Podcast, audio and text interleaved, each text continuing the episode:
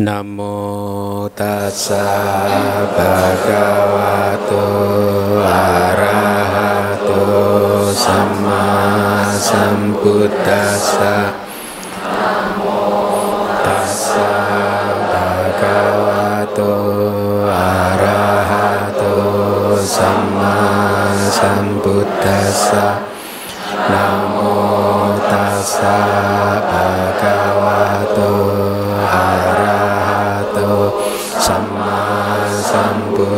sambuddhassa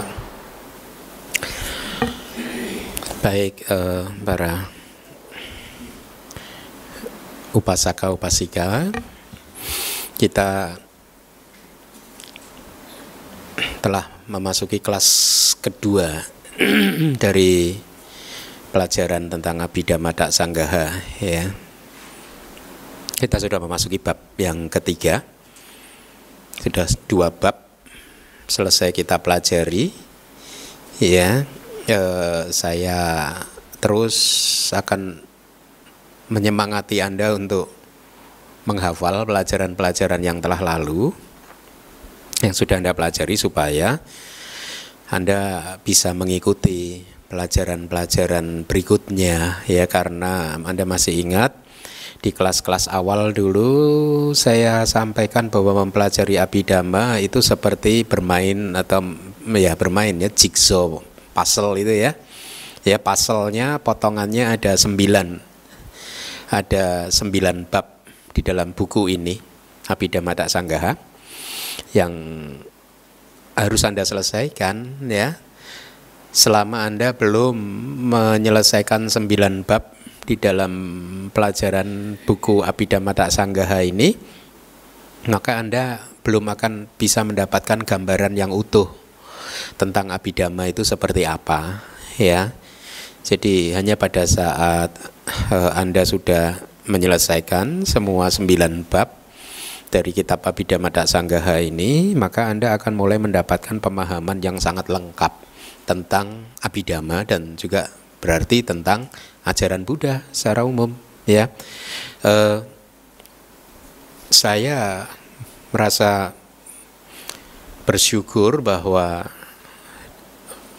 di masa-masa awal perjalanan spiritual saya menjadi seorang Buddhis, saya langsung bertemu dengan guru-guru yang baik ya sehingga dalam waktu yang singkat itu saya merasa mendapatkan pemahaman tentang ajaran Buddha yang cukup. Cukup dalam artian bisa membantu saya, membantu saya untuk memahami kemajuan latihan-latihan saya dan juga membantu saya untuk lebih memahami kehidupan ini ya dengan dengan lebih baik lagi itu sehingga dalam waktu yang cukup singkat saya merasa uh, sudah dalam tanda kutip gitu ya memahami ajaran Buddha ya. Nah, uh, hal itu tentu saja karena cara belajar yang terstruktur. Ya karena belajarnya terstruktur maka anda tidak berputar-putar ke sana kemari. Nah sama dengan apa yang sudah anda alami. Anda baru belajar abidama kan berapa? Satu tahun ya? Dan saya percaya selama satu tahun ini kemajuan yang anda dapatkan akan cukup pesat sekali. Saya percaya. Karena abidama ini sangat ya ajaran yang sangat apa Hmm, dalam sekali, sangat luas sekali dan menarik karena memberikan langsung pelajaran kepada kita tentang bagaimana sih tubuh Anda, batin Anda, pikiran Anda, faktor-faktor mental Anda dan lain sebagainya ya. Abhidhamma tidak mengajarkan Anda ritual ini, ritual itu kan tidak kan? Ya. Jadi inilah ajaran Buddha ya, memahami nama dan rupa, memahami batin dan juga jasmani tubuh Anda ya. Dan kemudian Anda harus membuktikannya sendiri lewat meditasi Anda supaya terjadi transformasi spiritual, transformasi batin supaya apa? Uh, anda bisa meningkatkan kualitas uh, kehidupan Anda. Nah, baru satu tahun Anda belajar Abhidhamma, ya dari dua bab yang sudah Anda pelajari itu semua sudah memberikan banyak sekali informasi tentang pikiran Anda, tentang batin Anda, ya. E, makanya hafalkanlah semua materi-materi pelajaran yang telah lalu supaya Anda bisa terus maju dan bisa terus menikmati pelajaran pelajaran-pelajaran di bab-bab berikutnya. Kalau Anda masih ingat apa yang saya katakan di kelas awal dulu satu tahun yang lalu saya katakan kira-kira seperti ini. Kalau anda bisa menyelesaikan pelajaran ini sampai ke bab 9 maka ya, Anda akan merasa seperti yang tadi saya katakan, mendapatkan pemahaman yang cukup bagus dan cukup kokoh, cukup lengkap tentang ajaran Buddha sehingga akan membantu Anda untuk menganalisa apa yang ada di dalam hati Anda, dalam pikiran Anda, masihkah ada pandangan salah, masihkah ada kilesa-kilesa yang yang yang meng, yang masih kuat atau yang sudah lemah ya. Kemudian abidama itu adalah peta spiritual. Peta spiritual yang akan menuntun anda dalam melakukan perjalanan melalui meditasi meditasi anda ya. Jadi kalau anda tertarik dengan meditasi Buddhis maka pengetahuan abidama akan sangat membantu anda di dalam proses uh, latihan saya. Nah saya ingin kembali menekankan bahwa apa yang anda pelajari ini adalah kitab Abhidhamma Sanggaha ya. Kitab Abhidhamma Sanggaha ini hanyalah ringkasan. Ya, terus Anda harus pahami, ini kitab ini hanyalah ringkasan dari ringkasan dari Abhidhamma Pitaka dan kitab-kitab komentar yang sangat luas sekali yang volumenya itu kira-kira hampir separuh dari Tripitaka, Tripitaka. Luas sekali gitu ya. Nah, karena ini ringkasan, maka kadang di dalam pelajarannya itu dibuat sedemikian rupa sehingga yang muncul hanyalah poin-poin penting, rumus-rumus dan lain sebagainya. Misalkan seperti minggu lalu kan, Anda mempelajari berapa cita yang muncul dengan somana sawedana, domana sawedana, hanya rumus-rumus seperti itu ya mungkin anda kemudian mempertanyakan apa sih manfaatnya belajar ini? Kok sepertinya hanya begitu begitu saja kelas yang kemarin? Hati-hati. Nah ini yang saya ingatkan. Yang anda pelajari baru ringkasannya. Atau yang sering disebut sebagai uh, oleh guru-guru abidama di, di tempat saya belajar dulu abidama tak sanggaha itu adalah kunci kunci untuk membuka gudang harta karun Abhidhamma Pitaka. Jadi artinya kalau Anda ingin memahami Abhidhamma Pitaka, maka syarat pertama yang harus Anda ini Anda harus pegang kuncinya dulu. Nah, kuncinya itu Abhidhamma Sanggaha. Makanya kadang terkesan hanya ringkasan-ringkasan-ringkasan seperti itu, tetapi kalau Anda sudah paham apa yang diajarkan di dalam Abhidhamma Sanggaha, maka Anda akan bisa membongkar kitab Abhidhamma Pitaka dan kitab komentarnya dengan mudah. Anda akan bisa memahaminya. Salah satu contohnya adalah buku yang sudah Anda baca, buku kesadaran. Kalau bagi Anda yang belum mempunyai buku volume pertama tentang cita, tentang kesadaran, seharusnya masih ada beberapa di luar sana. Ya, Anda boleh mengambilnya. Nah, itu salah satu contohnya buku kesadaran ya. E, itu saya buat dengan merangkum men, mencuplik kalimat-kalimat uh, yang ada di baik itu dari Abhidhamma Pitaka sendiri ataupun kitab-kitab komentarnya dan kelihatan menjadi lebih menarik kan? Ya. Nah tetapi saya bisa seperti itu karena saya sudah selesai belajar Abhidhamma Tak Sangga sehingga Anda pun nanti kalau sudah selesai belajar Abhidhamma Tak Sangga Anda bisa melakukan hal seperti itu itu ya. Jadi memang perjalanannya agak panjang tetapi tugas guru adalah kembali lagi merangkumkan poin-poin penting sehingga bisa bermanfaat buat Anda ya dan bisa bermanfaat buat kemajuan latihan Anda tentunya. Nah, kalau minggu lalu kita sudah masuk di bab ketiga dan itu kelas pertama ya dan kelas di dalam bab ketiga ini kita akan mencoba untuk membahas enam poin yaitu minggu lalu adalah wedana tentang perasaan jadi Anda mulai mengenal perasaan-perasaan Anda kan sekarang kan. Ternyata ada berapa jenis perasaan? Kadang disebutkan tiga ya, suka, duka, aduka, mak suka ya.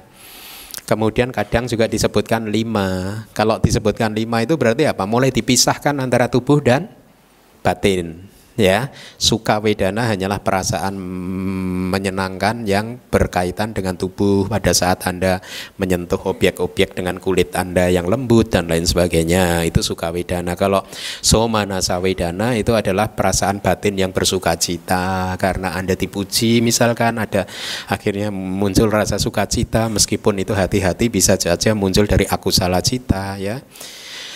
Uh, itu somanasa wedana.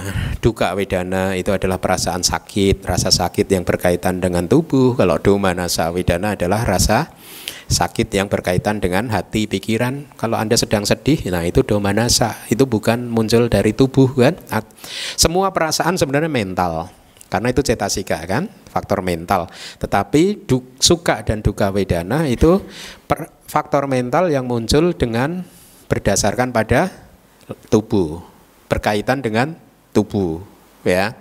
Kalau yang lainnya itu murni mental ya, itu yang membedakan. Nah, minggu lalu juga saya katakan i, ajaran penting dari Buddha adalah memberikan pemahaman kepada kita bahwa ternyata baik itu tiga perasaan maupun lima perasaan itu adalah duka. Kenapa? Duka karena terkondisi, berkondisi kan? Karena dia berkondisi, dia durasinya itu uh, sesaat saja ya. Pada saat dia muncul maka akan segera lenyap. Sesuatu yang muncul pasti lenyap. Nibana itu pernah muncul nggak? Tidak pernah ya. Makanya tidak pernah lenyap juga. Jadi nibana itu dikatakan kala wimuti atau uh, uh, uh, apa bebas dari waktu. Ya. Nibana itu tidak berada di masa lalu tidak berada di masa sekarang tidak juga berada di masa depan. Nah kadang di dalam kitab-kitab Abhidhamma perasaan minggu lalu mungkin belum saya sampaikan juga dipecah-pecah menjadi 108 jenis perasaan. Apa saja itu 100 jenis uh, perasaan? Uh, kita mengenal tiga perasaan kan, suka, duka, dan uh, duka, ma, suka tiga. Masing-masing dari perasaan tadi bisa muncul melalui salah satu dari enam landasan yaitu bisa muncul dari mata, telinga, hidung, lidah, kulit, tubuh dan hati ya. Masing-masing bisa muncul di sana. Anda melihat sesuatu yang menyenangkan berarti perasaan suka muncul melalui mata. Anda mungkin mendengarkan damatok muncul perasaan bahagia berarti rasa sukanya muncul melalui telinga Anda mungkin mencium parfum favorit Anda muncul kebahagiaan muncul melalui hidung dan seterusnya. Berarti tiga dikalikan enam ada berapa? 18 kan? Semua jenis 18 perasaan itu bisa dipecah lagi dibedakan menjadi perasaan yang muncul di masa lalu perasaan yang muncul di masa sekarang dan perasaan yang muncul di akan muncul di masa depan. Berarti 16 kali eh sorry 18 kali 3 berapa 50 berapa? 54, 18 kali 3, 54 ya. Kemudian 54 jenis perasaan tadi dibedakan lagi antara yang muncul di internal dan eksternal. Berarti berapa? 108. Makanya sering wah apanya itu beatsnya yang ini harus 108 kali baca ininya harus 108 kali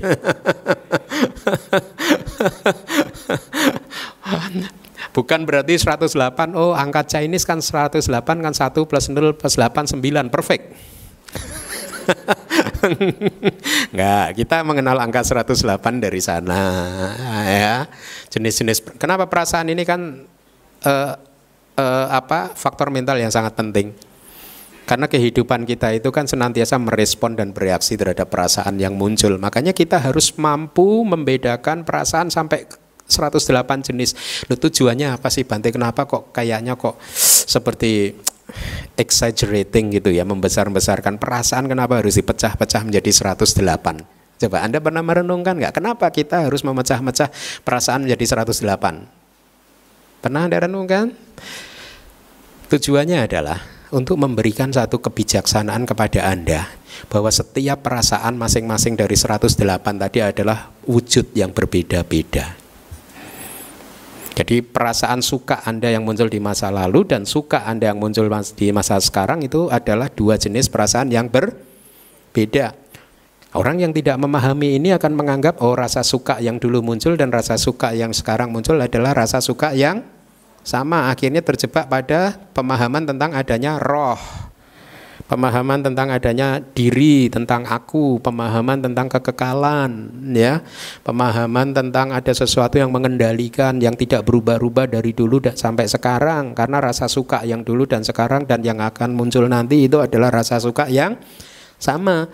Tetapi dengan metode abidama seperti itu, eh, pecah-pecah sampai sekecil-kecilnya seperti itu, kita jadi diberi petunjuk sama guru-guru kita bahwa rasa suka di masa lalu, masa sekarang dan nanti yang akan muncul itu adalah wujud yang berbeda-beda. Rasa suka yang muncul apa melalui mata dan telinga itu adalah wujud yang berbeda dan seterusnya. Dengan demikian Anda akan mulai melihat ketidakkekalan dari perasaan.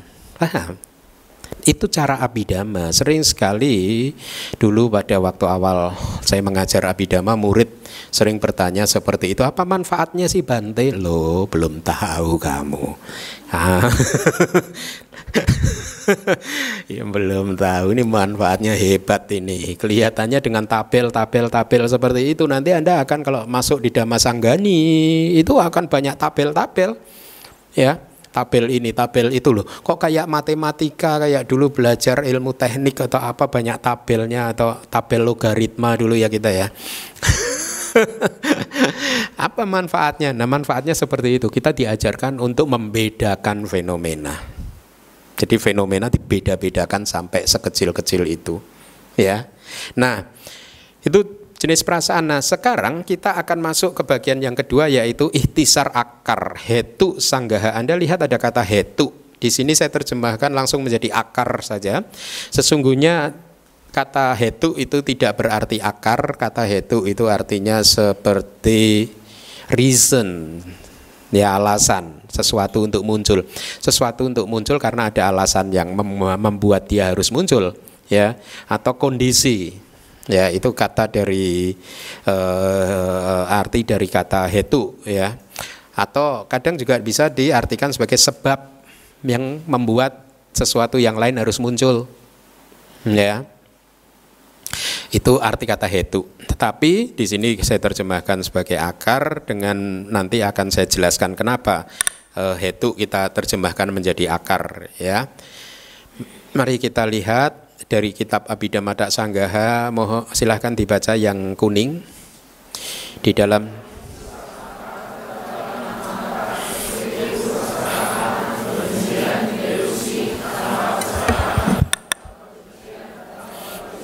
stop dulu. Jadi ada berapa enam akar nih Anda harus hafalkan. Lebih enak bahasa palinya. Loba bukan lobo kalau di sana lobo itu berarti itu nominatif. Jadi kita kalau kata ini bendanya cukup loba dosa moha loba a dosa moha. Ya jadi enam. Ada enam jenis akar tadi ya. Kemudian baca yang kuning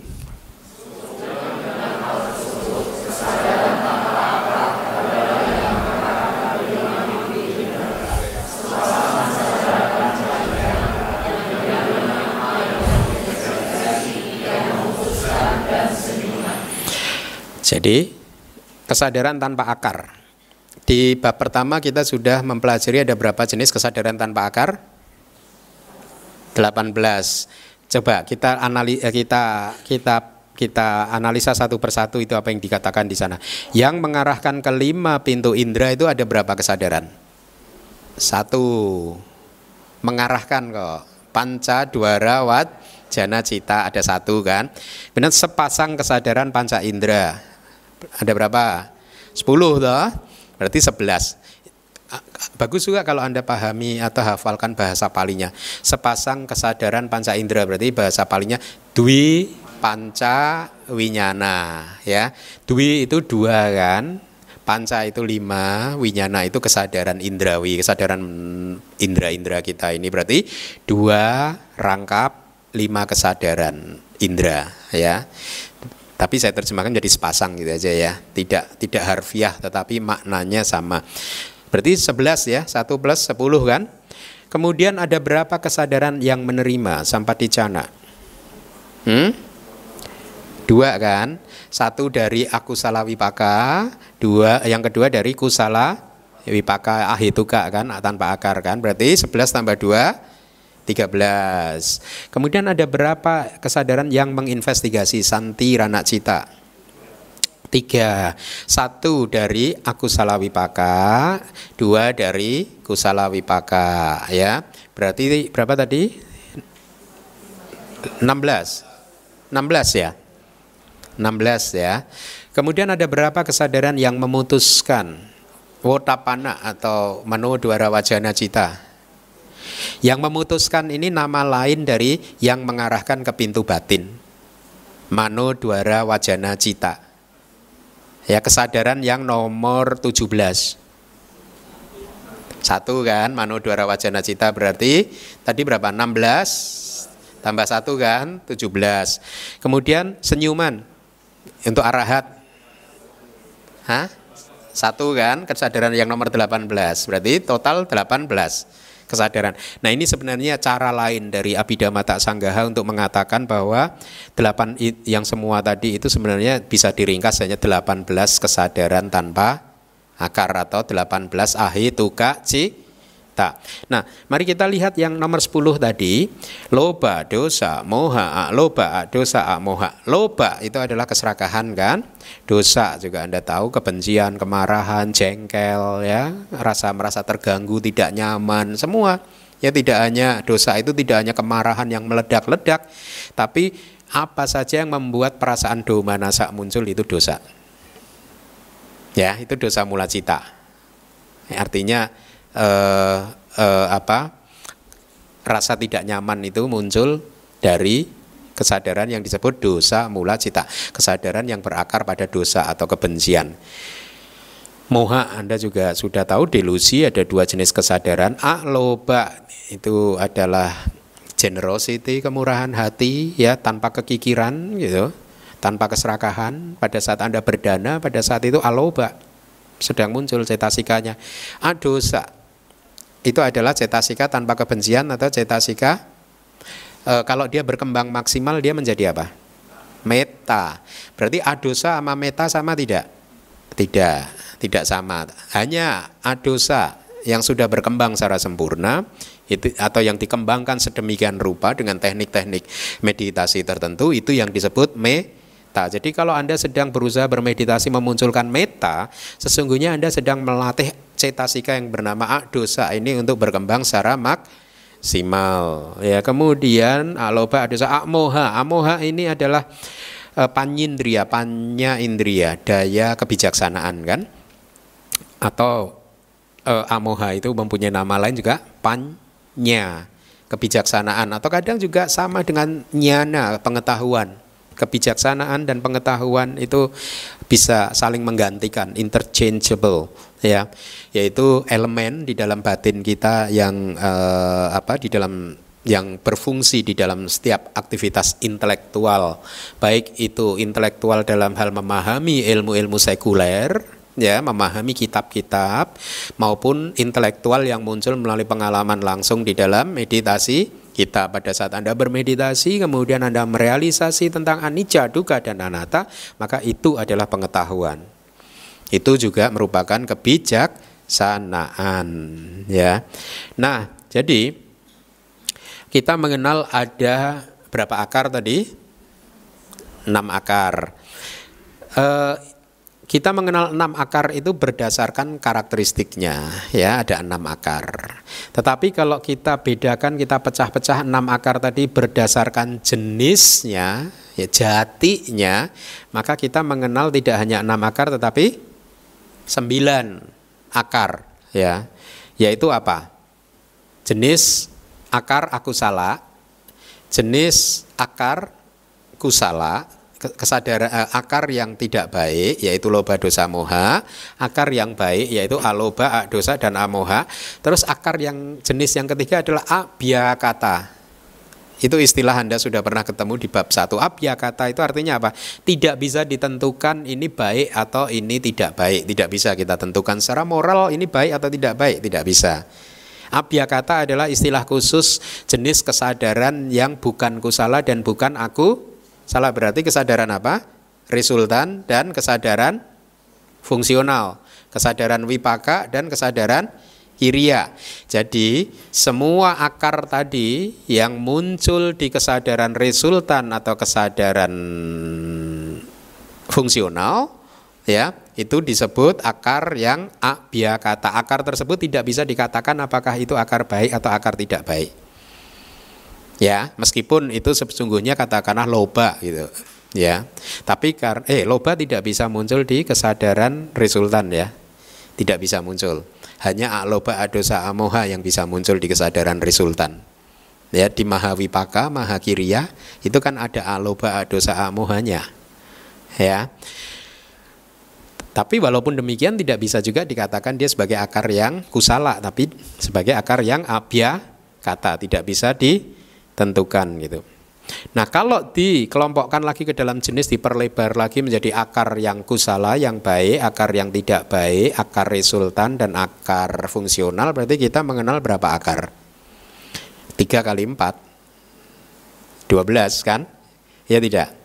Nah sekarang saya akan melat melatih Anda. Saya, saya coba. Ada berapa jenis akar yang bisa muncul di sebelas alam lingkup indrawi?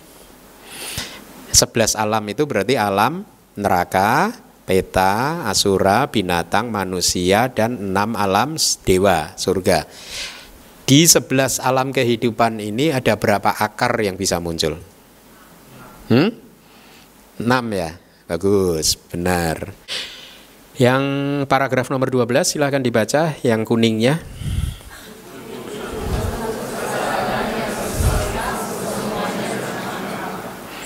Ya, eh, 71 kesadaran yang tersisa kesemuanya dengan akar baik itu akar ada berapa akar kira-kira jenis kesadaran yang tersisa itu?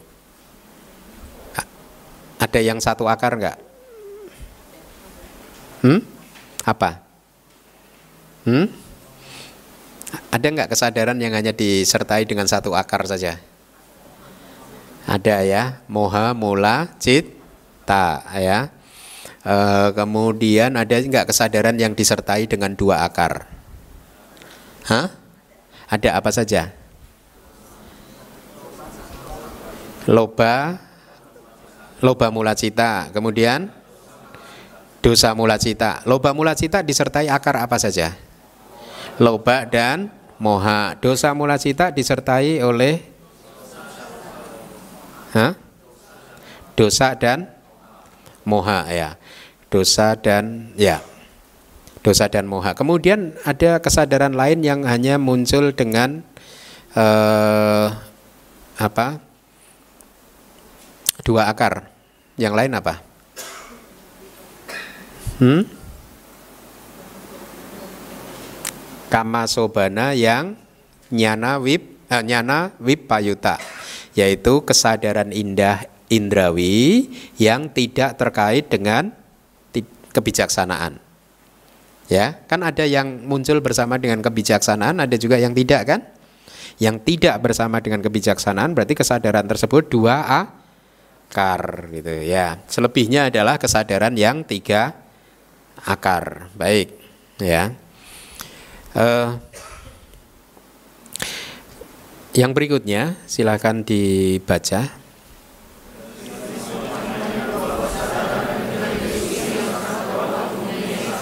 Itu apa bahasa palinya? Moha mula cita ya, tapi di sini Anda lihat itu tatapi dua mo mo muha. Ya, itu artinya delusi yang sangat kuat. Mo muha, nama lain dari moha mula cita ya dia hanya mempunyai satu akar ya bagus uh, kemudian berikutnya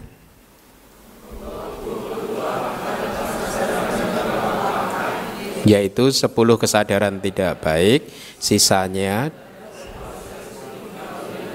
tidak terkait jadi 22 adalah kesadaran dengan dua akar yaitu 10 kesadaran tidak baik sisanya itu apa? Hah? Apa saja? Sepuluh kesadaran tidak baik, sisanya itu apa saja? Kira-kira keberatan nggak kalau saya jawab aja sendiri? Boleh. Ya, terima kasih ya Anda baik hati. Tadi kan sudah disebutkan moha mula cita kan, berarti sisanya adalah loba mula cita ada berapa? 8 dan dosa mula cita ada 28 plus 2 berapa anak-anak? Nah baru kalau tambah-tambahan begini Anda bisa. dan 12 lingkup indrawi yang indah yang tidak terkait dengan pengetahuan yaitu yang kama sobana nyana wipayuta cita. Kesadaran indah lingkup indrawi tidak terkait dengan kebijaksanaan. Tidak ada kebijaksanaannya. Jadi itu hanya dua akar ya. E, perlu disebutkan individu citanya enggak sih? Enggak ya? Nanti menghabiskan waktu. Enggak ya Paham nggak? Hah? Saya tanya satu-satu. Langsung. Langsung. Bante saya ada acara Bante. Langsung. Saya jam 8 ada janji Bante.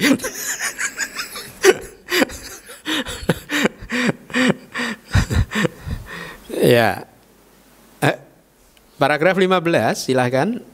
47 adalah dengan tiga akar yaitu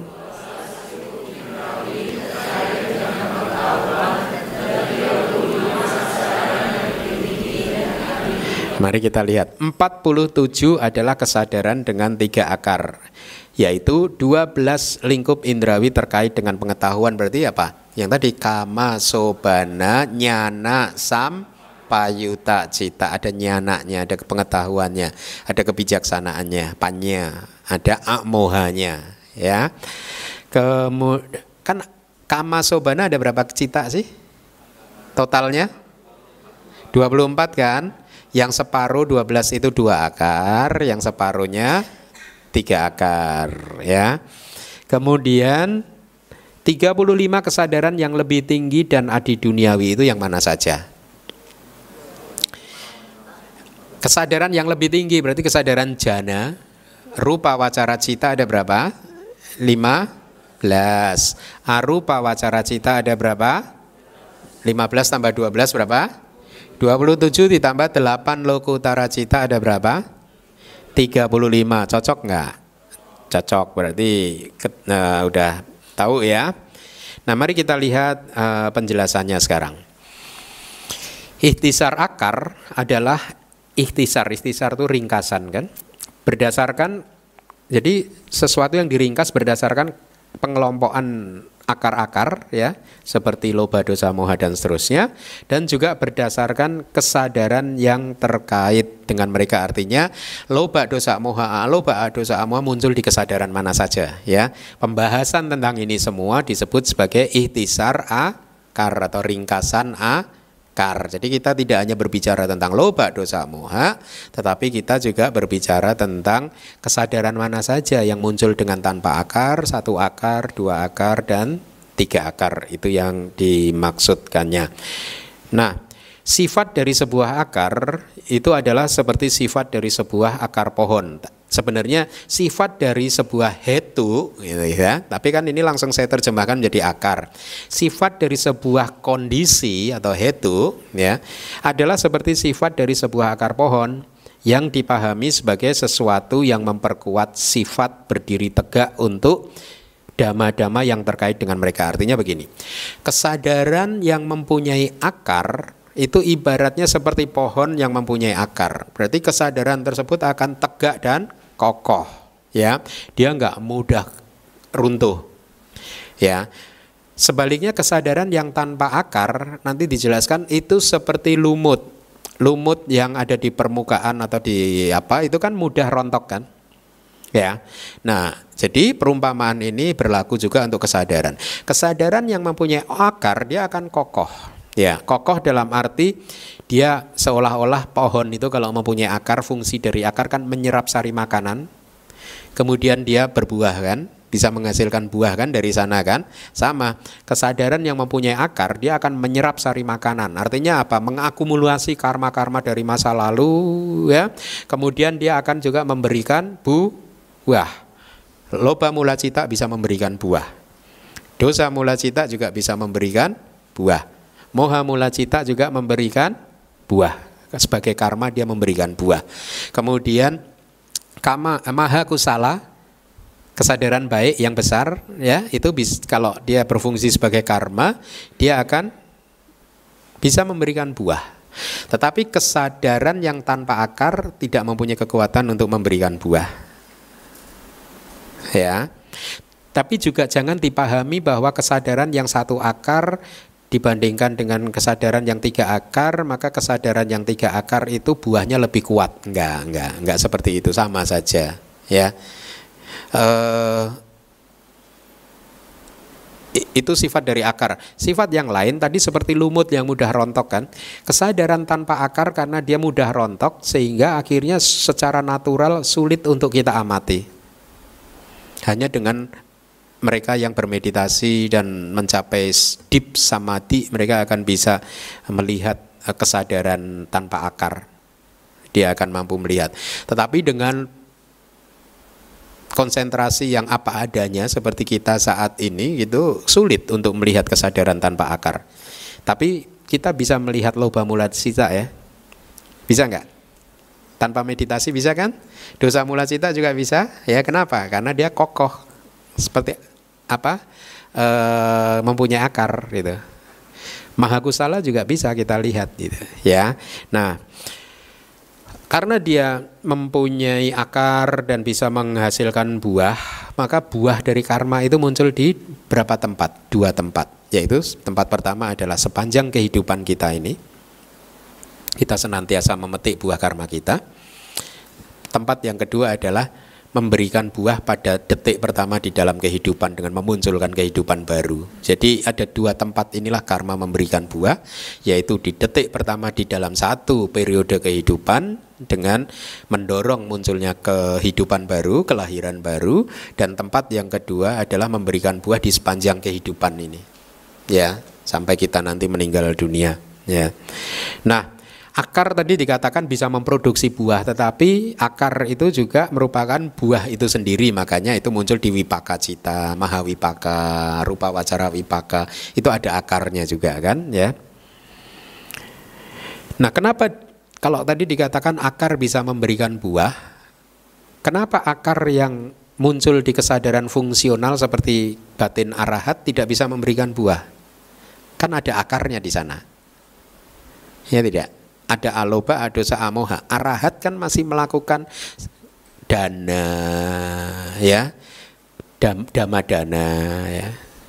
Memberikan damatok, mengajar. Itu kan semua kan karma-karma baik. Bawana, meditasi itu kan karma baik. Ya, ada aloba, dosa amoha, tapi kenapa tidak bisa membuahkan hasil, memberikan buah? Jawabannya adalah seorang arahat sudah menghancurkan asawa, Seorang arahat sudah menghancurkan dua akar dari samsara yang disebut awija dan tanha, ketidaktahuan dan nafsu nafsu keinginan sehingga karena dua akar dari samsara ini sudah rontok, sudah hancur, maka apa pun yang dilakukan oleh arahat tidak akan pernah bisa membuahkan hasil. Jadi kalau Anda mau berbuat jahat, tunggu sampai Anda jadi arahat dulu biar perbuatan jahat Anda tidak memberikan ha Ya enggak? Ya Bu Dokter ya. Jangan sekarang berbuat jahatnya masih bisa memberikan buah. Jangan ya. Jadi arahat dulu. Setelah jadi arahat baru Anda melanggar sila. bisa nggak arahat melanggar sila berbuat kejahatan? Nggak bisa. Mimpi saja sudah tidak mimpi berbuat jahat aja udah nggak bisa gitu. ya ya jadi karena daya dari kekuatan akar itu sudah dirontokkan maka dia tidak bisa memberikan buah ya jadi eh,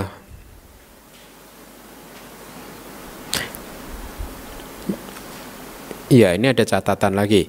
Tadi dikatakan di 11 alam lingkup indrawi berapa akar yang bisa muncul? 6 kan? Loba dosa moha a loba dosa a moha berarti di neraka bisa muncul aloba dosa a moha enggak bisa di di alam binatang bisa enggak Bisa. Di neraka? Bisa. ya, meskipun sulit. Ya.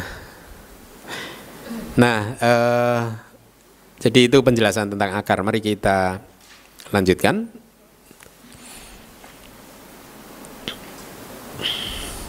Dama-dama yang memperoleh dukungan dari akar itu mempunyai kekokohan seperti pohon yang mempunyai akar yang kuat, tidak seperti dama-dama tanpa akar yang mirip lumut yang terdapat di permukaan air. Tadi sudah saya sampaikan ya.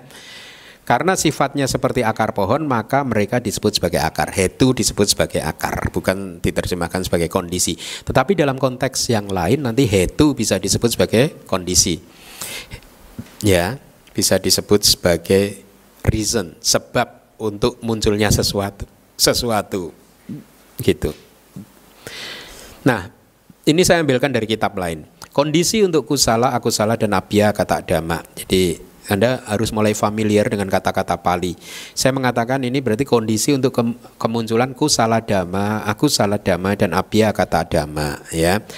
Dhamma di sini berarti keadaan mental, keadaan batin yang kusala, keadaan batin yang aku salah dan keadaan batin yang abya kata ya. Mari kita lihat apa yang diberikan di dalam kitab. Kusala dan aku salah itu bergantung kepada perhatian yang bijaksana dan tidak bijaksana. Nah ini penting.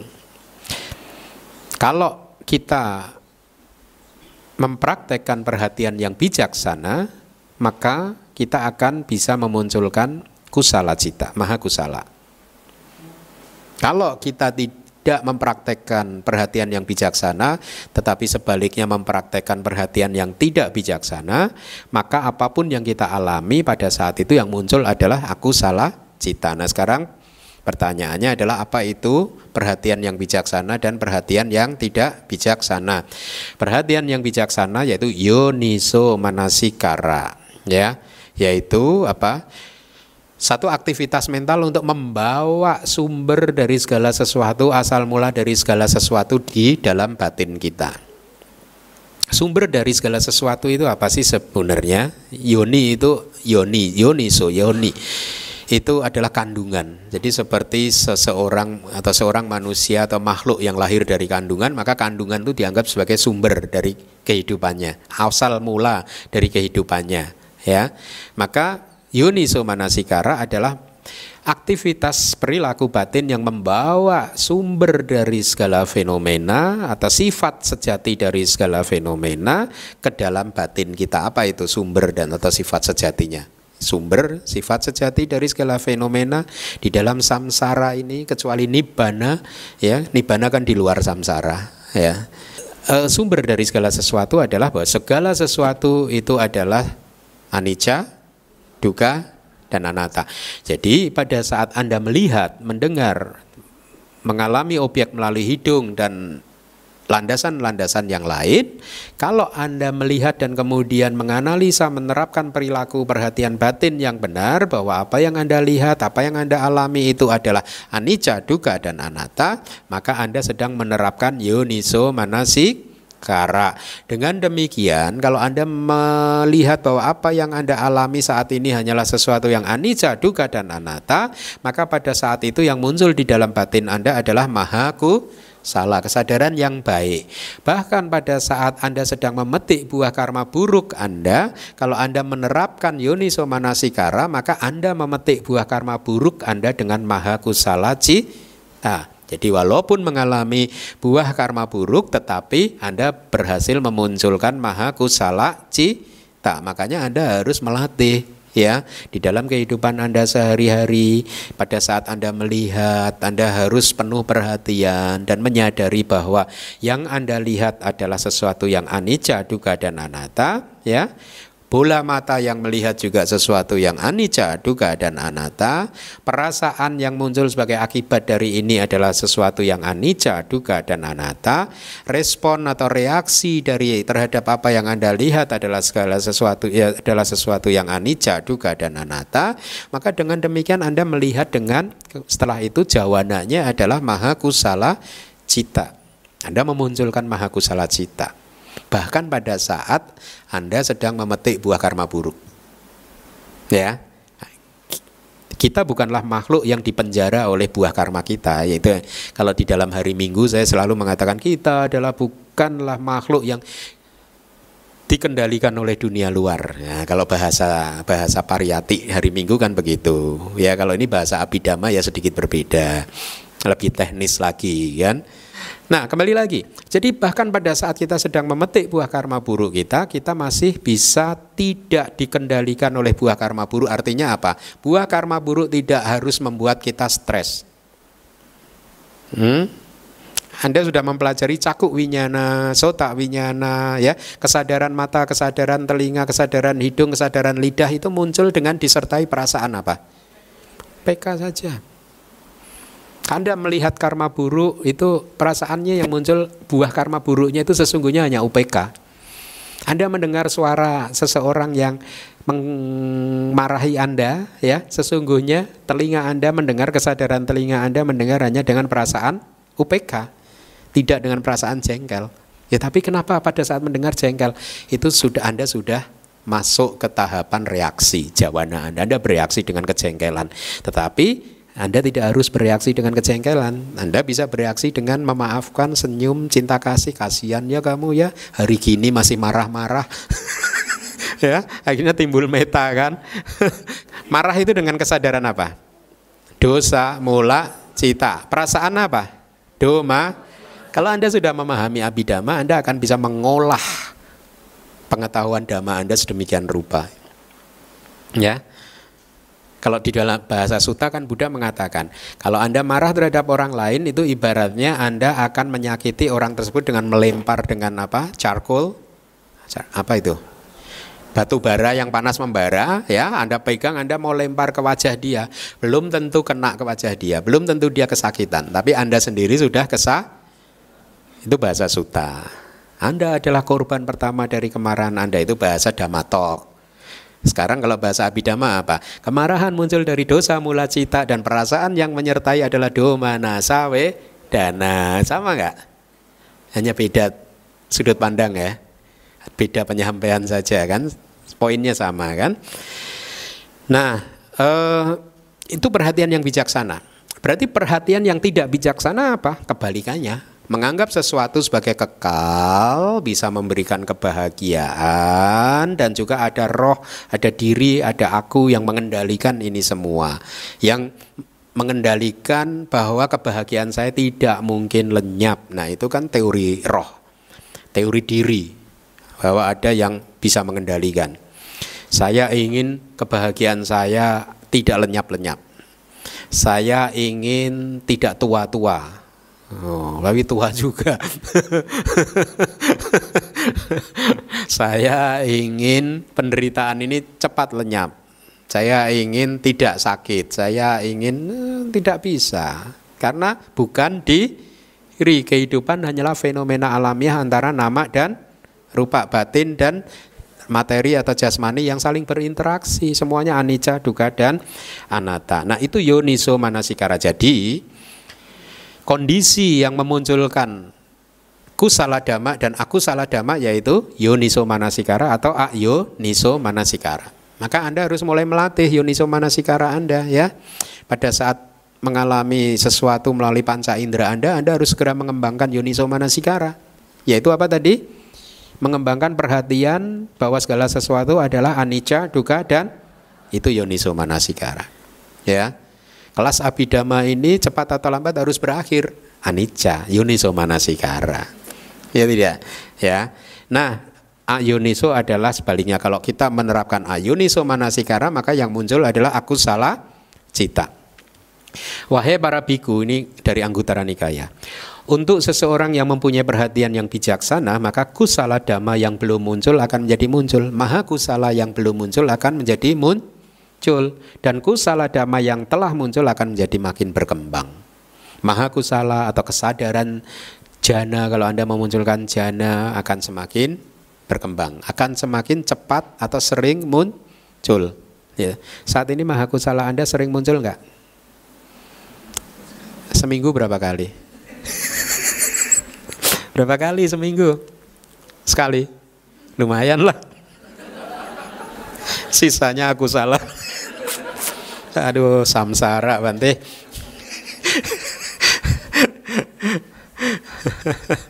ya. Nah, itu di, di Anggutara Nikaya. Kemudian mari kita lihat sifatnya. Sekarang kita lihat kata Kemunculan wipaka dan juga kiria, resultan dan juga fungsional hendaknya dilihat sebagai bergantung kepada apa? Bergantung pada tiadanya kecenderungan yang tertidur artinya anu saya kilesa. Kalau tidak ada anu saya kilesa maka kiria muncul. Kalau masih ada anu saya kilesa, yaitu kilesa-kilesa yang tertidur, berarti kita belum menjadi arahat kan? Kilesa kita banyak yang masih tertidur, maka maha kiria tidak bisa muncul. Itu yang dimaksud. Kemudian ada tidak bergantung kepada kama, ya. Kalau ada kama yang berbuah, maka wipaka cita muncul.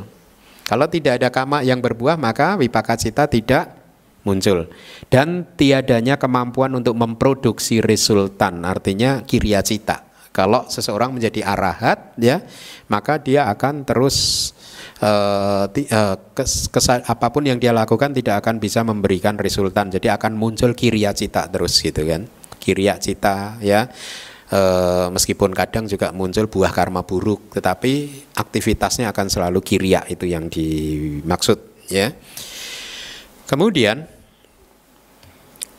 silakan dibaca keserakahan kebencian dan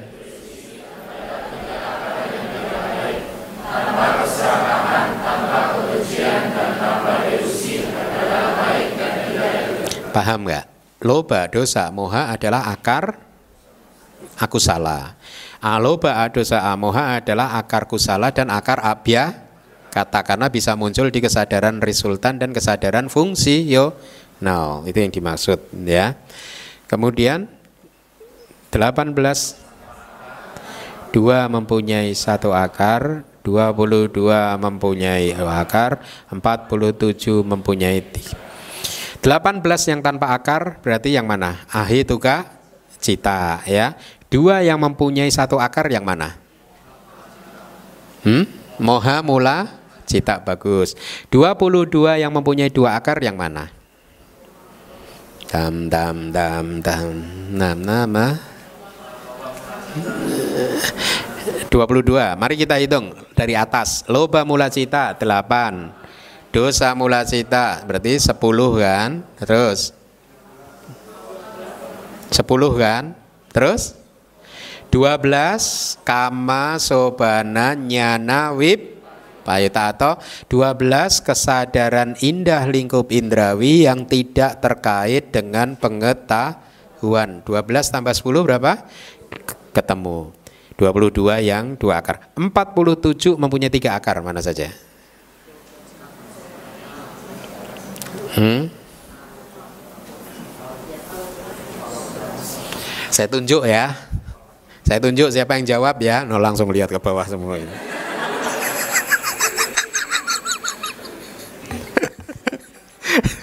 Dulu waktu masih kuliah di luar negeri itu ya. Kalau dosennya dosennya kan biku juga kan? Kita dosennya kan biku. Kalau dosennya ini kelas besok kelas berikutnya ada presentasi ya, ya, ya presentasinya maju ke depan. Itu kan? Itu langsung begitu. Mata pelajaran mata kuliah itu tiba murid-murid gak ada yang datang. Dosennya biku mah enak kan? Nggak mungkin marah kan? Jadi kalau minggu depan presentasi ya minggu depan nggak ada yang datang enak kalau punya dosen biku itu enak. Makanya kayak Anda ini harus bersyukur punya guru biku. Kalau saya bikin pertanyaan Anda nggak bisa jawab, saya jawab sendiri ya. enak. Anda nggak perlu takut sama saya. Ya. Baik, mari kita lihat 47 kesadaran mempunyai tiga akar berarti apa tadi? 12 kama sobana nyana sam Payuta 12. Rupa wacara cita berapa? Selalu tiga akar. Berarti 12 tambah 15 berapa? 27. Arupa wacara juga selalu tiga akar. Berarti 12 berarti 39 ya. Lokutra cita juga selalu tiga akar. 8 berarti 40 ketemu ya. Ya, jadi dengan demikian maka selesailah kelas kita malam hari ini. Terima kasih.